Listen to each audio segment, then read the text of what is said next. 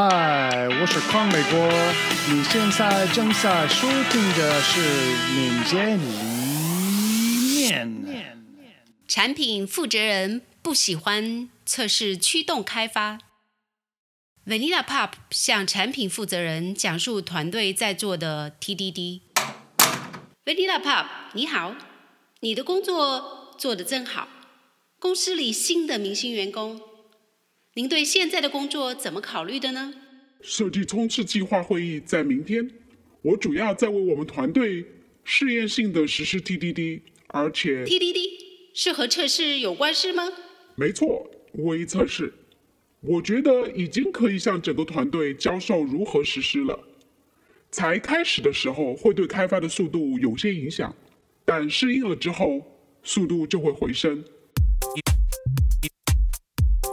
会减缓一些速度，他确定这样能行吗？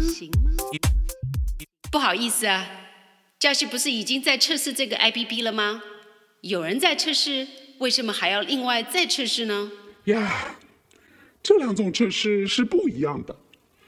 Just 所做的是红测试，有些还是手动的。我们所做的是自动化微测试。只检测代码是否运作正常，而不是产品的功能。测试代码，而不是功能，到底是什么意思呢？抱歉，但 Just 进行的测试不也是在测试代码吗？不是吗？没错，但这些测试会更详尽的测试一小段代码。代码有没有瑕疵，会马上显现出来。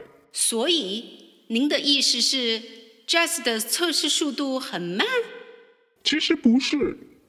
如果说它的测试速度慢的话，主要是慢在我们寻找有问题的代码这一环节。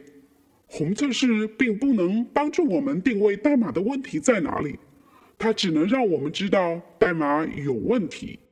但是如果你们花费时间去编写对代码的测试，而我们已经另外有独立测试的时候，听起来有些过度测试的感觉哦。我更希望你们编写功能性的代码，而让 Josh 去处理质量控制。并不是这样的。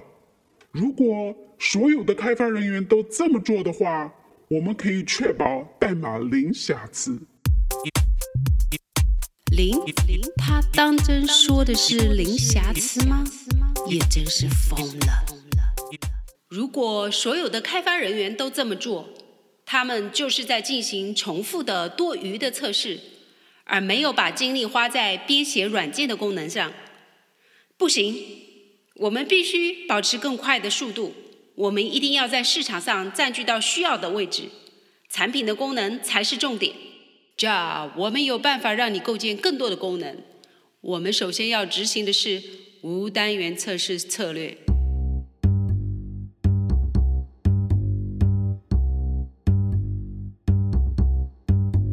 向非开发人员和质量控制人员解释微测试和红测试的差别非常困难。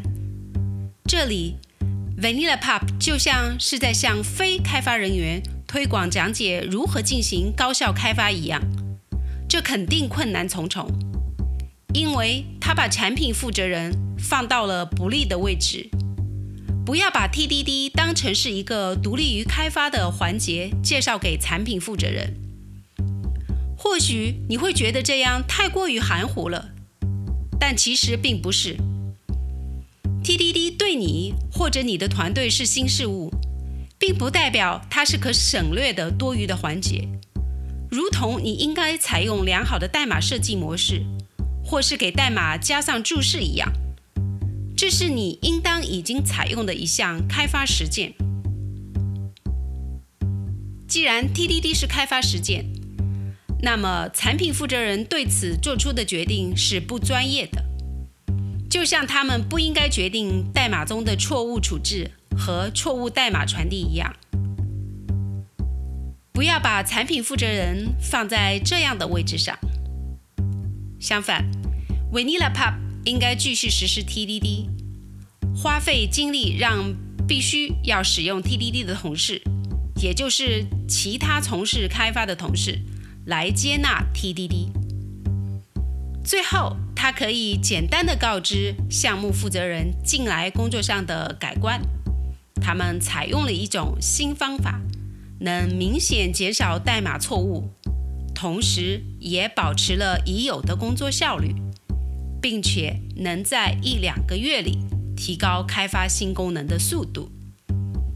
每一个公司都希望自己产品的功能是有效可用的，他们也希望不要为代码上的错误而买单。或者因为无法重构代码而影响了整体工作的速度。本集故事到此结束。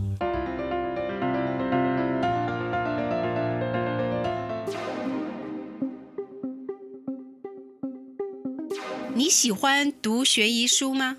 一本关于敏捷思维的悬疑书，《黑色敏捷》是非常有意思的，依靠戏剧性的故事讲述，教会你敏捷思维。欢迎在康美国的微店查看这一集的播客注释。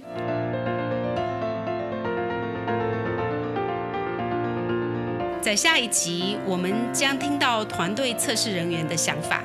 你说我应该做单元测试？单元测试？我们不需要任何讨厌的单元测试。没有那些臭人，我们就能得到质量。